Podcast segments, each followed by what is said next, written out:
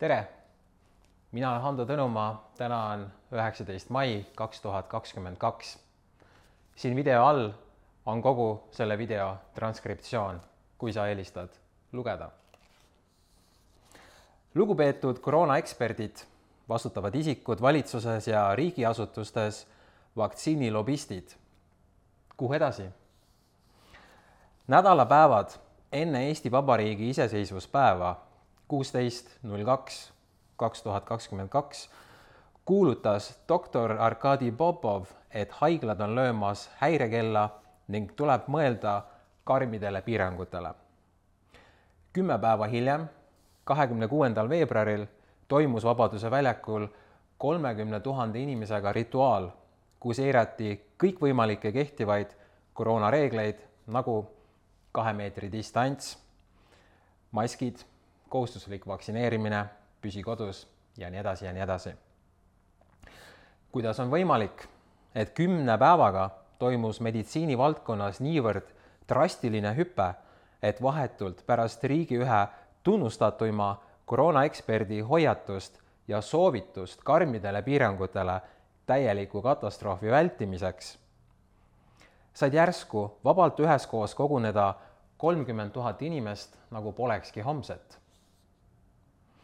Kuidas seletada fakti, et suurimad koroonasõltlased nagu Karmen Joller, Toivo Maimets, Piret Ropsu ja nii edasi ning vanameedia väljaanded nagu Delfi ja Postimees üheskoos kommertsraadiotega kutsusid rahvamasse Vabaduse väljakule kogunema, kuigi me olime samal hetkel koroonaekspert Popovi hinnangul halvima katastroofi lävel. Mõned kuud varem, kahekümne kolmandal oktoobril toimus Vabaduse väljakul SAPTK korraldatud suur meeleavaldus Vabaduse kaitseks, kus osales circa kümme tuhat inimest ehk kolm korda vähem inimesi.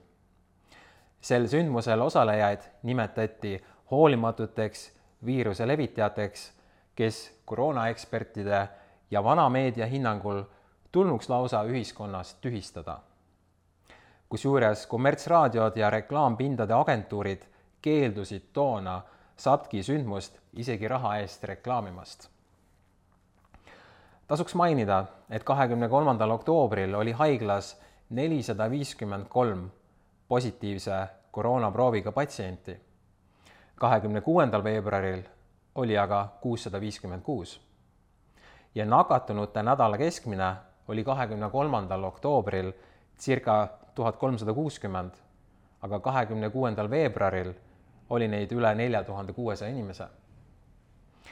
sellised vastutavate isikute topeltstandardid ja üleüldine nonsenss mind ei üllata.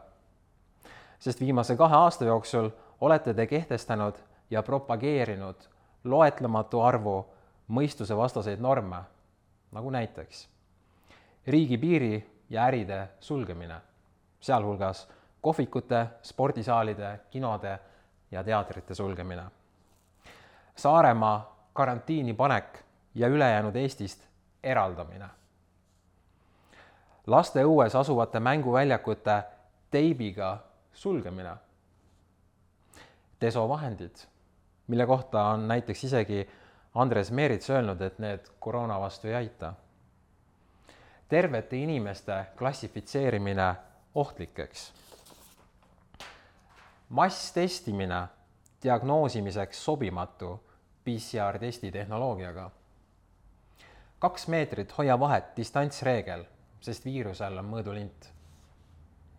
maski kandmise nõue alates kaheteistkümnendast eluaastast, sest viirus teab inimeste vanuseid kellaajalised piirangud, sest viirus tunneb kellaaega. metsas sportimise piiramine, avalike kogunemiste keelustamine, põhiseadusega vastuolus olevaid inimkatseid geeniteraapia preparaatidega ehk niinimetatud vaktsiinid, millel polnud ega pole isegi täna korralikku müügiluba. ja nii edasi ja nii edasi. ja seda kõike selle nimel et takistada viiruse levikut, omamata sealjuures ühtegi tõestust ega näidet minevikust ega mujalt maailmast, et selliseid tegevusi saaks kuidagigi moodi õigustada. meie kahe tuhande kahekümnenda aasta kevadel tehtud avalikus kirjas juhtisime tähelepanu mitmetele nendele samadele küsimustele, sest meie emailidele vastutavad isikud ei vastanud ning valitsuse pressikonverentsile meid ei lastud ning ka vana meedia väljaannete armee terve kamba peale mitte keegi ei pärinud aru nendel teemadel. Pool aastat hiljem saime tänu advokaatidele Sotsiaalministeeriumist ametliku vastuse, mille lühikokkuvõte on, me tegime kõik need piirangud, sest teised tegid ka. meie järgmise avaliku kirja, mille nimi oli koroona valehäire Nendele küsimustele vastas sotsiaalmeedia ainult viidetega WHO allikatele. kusjuures eelpool mainitud tegevustele, piirang, piirangud ja reeglid, nendele polnud ka selles mõttes vajadust, sest väidetavat laustaudi ju tegelikult Eestis polnud. ametliku statistika kohaselt ei registreeritud aastal kaks tuhat kakskümmend Eestis liigsuremust. küll aga registreeriti üle kolme tuhande liigsurma kahe tuhande kahekümne esimesel aastal ehk sel aastal, kui lükati käima enneolematu vaktsineerimiskampaania. lisasurmasid esines kõikjal maailmas, kus rulluti lahti vaktsineerimiskampaania. vaktsiinid on ohutud ja tõhusad. sellist mantrat kuulutasid koroonaeksperdid ja vastutavad isikud nii seal kui siinpool riigipiiri kohalike staaridega pildi peal kõlvati isegi väikelinnad üle maksumaksja kuludel. mine vaktsineerima, sest see on ohutu ja tõhus plakatitega. Samasugust jama sai kuulata kaubanduskeskustes iga kahe minuti tagant. Eesti tuntuim koroonasõltlane doktor Karmen Joller isegi propageeris väikseid lapsi mitte kuulama oma vaktsiiniskeptikutest vanemaid vaid tegema ise otsuseid kooliarsti kabinetis, sest vaktsiinid on ohutud ja tõhusad. millegipärast aga väldivad Jollerid ja teised koroonasõltlased fakti, et Pfizer on tänaseks tunnistanud, et nende vaktsiinid on ohu-, ohtlikud ning nad olid sellest ka teadlikud. BioNTech on tunnistanud, et Covid vaktsiinil on tõsised kõrvalmõjud ning puuduvad ka andmed ohutuse ja tõhususe osas. tänaseks on selgunud, et Pfizer valetas avalikult ning nende vaktsiini väidetava üheksakümne viie protsendi tõhusus on tegelikult kõigest kaksteist protsenti. kui Pfizer ja BioNTech midagi sellist tunnistavad, siis kuidas said Karmen Joller, Irja Lutsar, Kaja Kallas, Tanel Kiik, Üllar Lanno ja nii edasi kõik need koroonasõltlased, kuidas nad said meile pea kaks aastat rääkida sootuks vastupidist juttu? ilmselt pole vastutavad isikud kursis ka Oxfordi hiljutise uuringuga, millest selgub, et läbipõdenud on kolmteist korda rohkem kaitstud kui vaktsineeritud. vaktsiinikahjustusi on kordades rohkem, kui, kui avalikkus seda arvab. on fakt, et piirangud mõjusid laastavalt eriti laste vaimsele tervisele. koroonaga tõusid rekordkõrgele noorte enesetapud ja enesetapukatsed.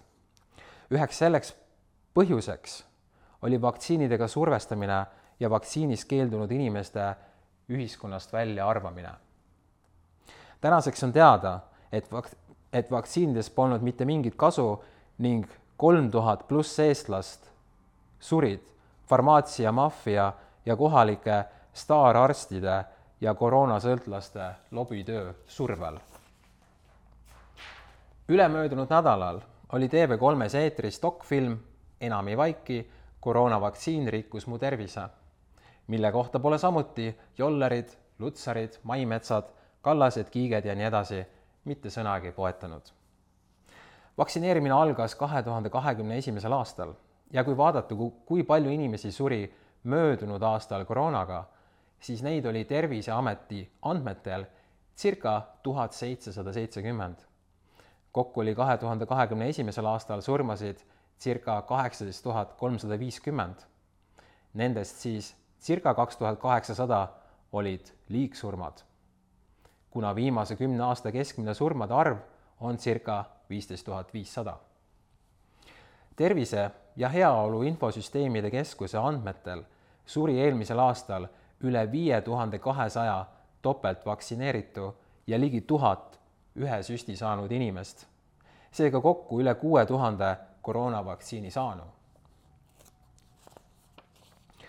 Paljude arstide, teadlaste, ekspertide ja poliitikute jutust jääb mulje, et nendest tuhande seitsmesaja seitsmekümnest koroonaga surnust kindlasti osad lähevad ka sinna ligi kolm tuhat liigsurma alla. aga vot, nende kuue tuhande süsti saanu surmade osalist liigitamist liigsurmade alla ei puutu keegi poole sõnagagi. kas see ongi teaduslik lähenemine?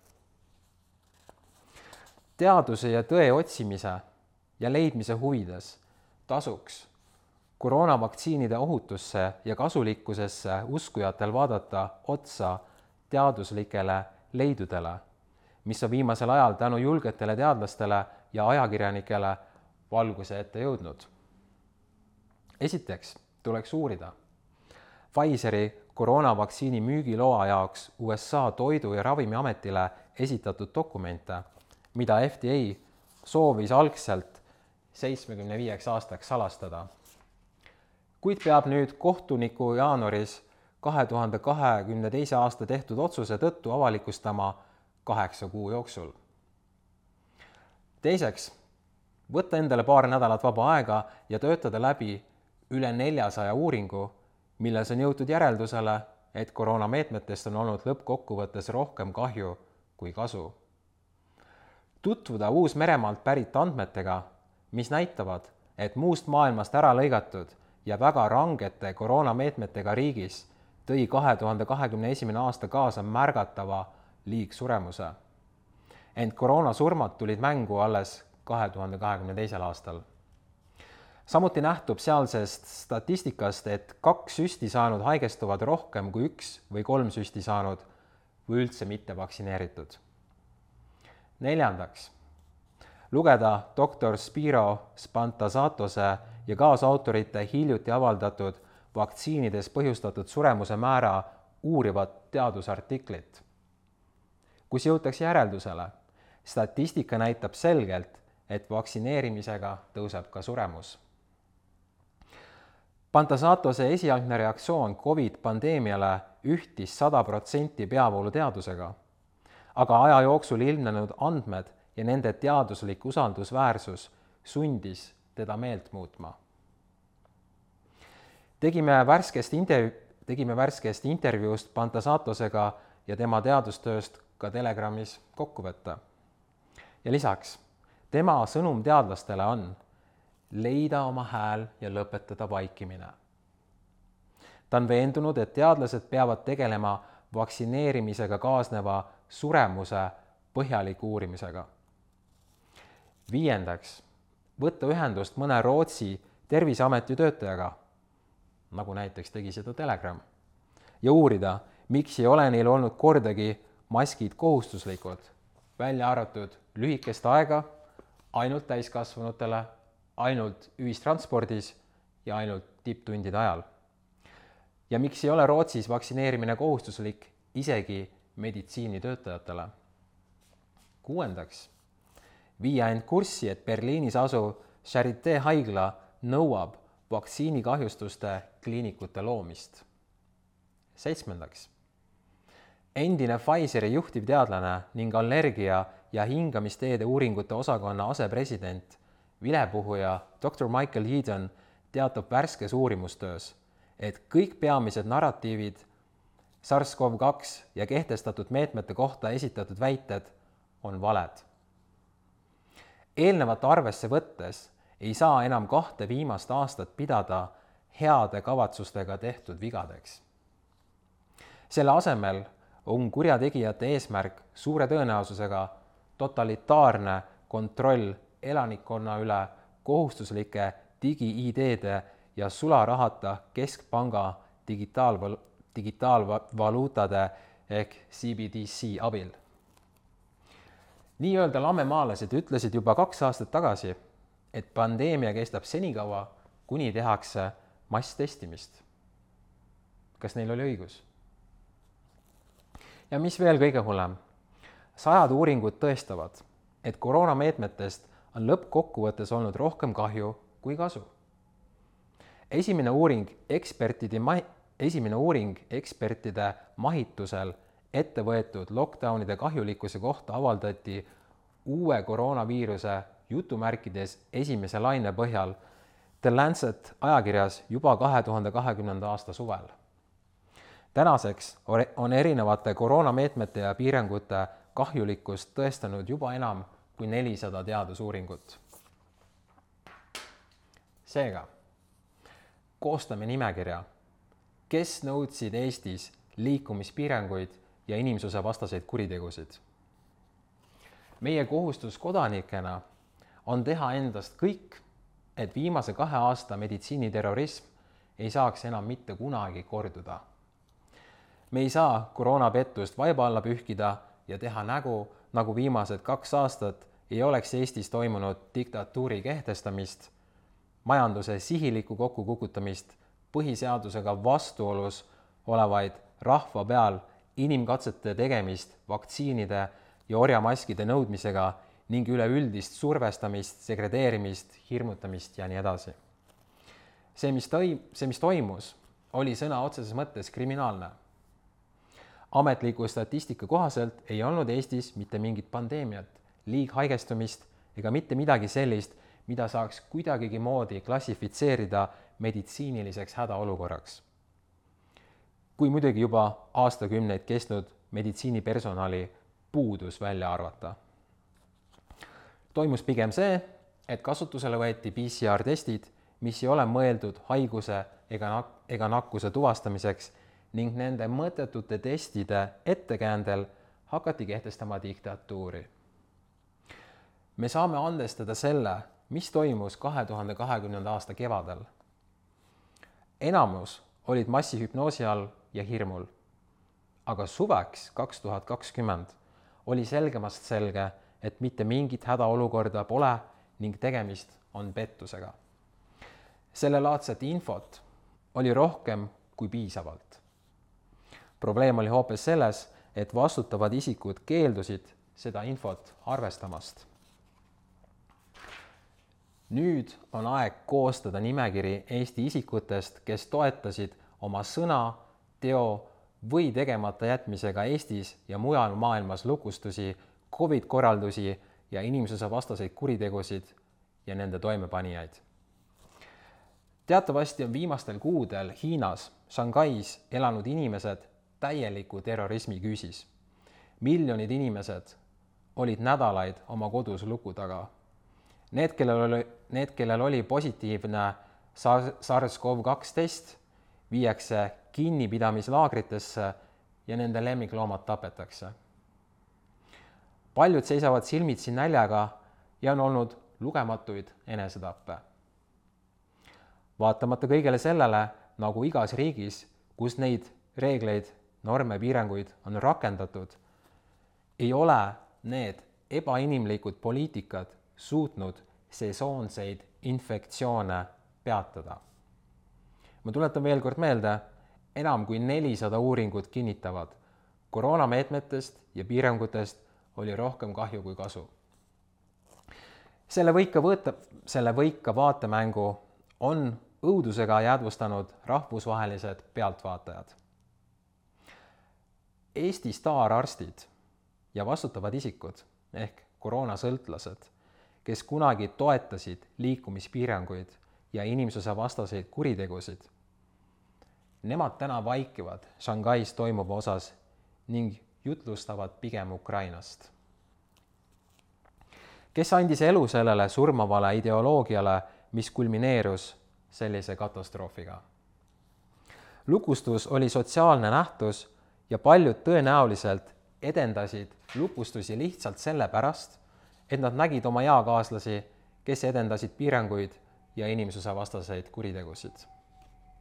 Neid, kes olid piirangute ja inimsusevastaste kuritegude vastu, neid halvustati ja tsenseeriti isegi võimsate institutsioonide poolt. see viis võimuga segatud piiranguteni ja reegliteni, mistõttu paljud usuvad, et nad ei pea seda poliitikat enne selle propageerimast uurima. Seda kõike kaost oleks saanud vältida, kui ühiskonnas oleks avalikud, kallutamata debatid ja arutelud meid kõiki puudutavatel teemadel. täna oleme me aga olukorras, kus isegi Arvamusfestival on tunnistanud, et lubatud on ainult ühesugused arvamused. oluline on mõista, et kuigi hetkel on koroona justkui möödas ja ühiskond on taas avatud, siis nii-öelda kaadri taga käivad suured jõupingutused täieliku kontrollühiskonna kehtestamiseks, mida tehakse olematu pandeemia ettekäändel. teatavasti on hetkel koostamisel rahvusvaheline pandeemialeping, mis annab WHO-le sisuliselt õiguse otsustamaks, millal sina või mina oleme haiged. Eesti valitsuse teatud liikmed on sellele terroriaktile juba heakskiidu andnud ning Eesti rahva eest selle ära otsustanud. lähiaastatel on keskpankadel kavas välja anda enda digitaalne valuuta, CBDC ehk Central Bank Digital Currency, mis annab riigile voli iga ostu lubada või keelata. see on finants, sõna ja mõttevabaduse lõppmäng. kui kõik läheb samas rütmis edasi, siis ilmselt juba viie aasta pärast on kehtestatud täielik diktatuur ja kontrollühiskond sarnaselt Hiinale ja Põhja-Koreale. me kõik oleme selle olukorraga kursis. seega hakkame nimekirja koostama. ma arvan, et tuleks luua kiiremas korras mingisugune organisatsioon, MTÜ, kes hakkab koroonaterroristide toimikuid koostama. meil on vaja advokaate ja sõltumatuid teadlasi, et nad teeksid omapoolsed ettepanekud nii-öelda Eesti Nürnbergi suhtes see tähendab, millistel õiguslikel alustel tuleb nende meelest sellel rindel tulemuslikult edasi liikuda. võiks ühe teemana käsitleda meditsiiniõigust rahva tervise tagamise ühe osana. seega meil on vaja täiskohaga tööle panna nii advokaate kui teadlasi. See nõuab aga rahastust. olen arvamusel, et vähemalt pool Eestit on kursis, et koroona oli ja on täielik pettus. see tähendab, kamba peale sellise projekti, sellisele projektile rahastuse leidmine pole mingi probleem. probleem on hoopis selles, et rahvas on laisk ja tuim ning seda me nägime kõik viimased kaks aastat. seega ma jään ootama teie ettepanekuid ja tagasisidet, kuidas kogu selle projekti võiks käima panna. arvan, et alustuseks oleks vaja hinnanguliselt circa paarsada tuhat eurot, et advokaadid ja teadlased üheskoos korraliku tiimiga saaksid sellele projektile keskenduda täiskohaga. seni aga kogume kokku nimed, kes teie arvates peaksid koroonaterrori pealesurumise eest vastutust kandma. Ootame teie ettepanekuid aadressil hando at telegram.ee. aitäh vaatamast ja kena päeva jätku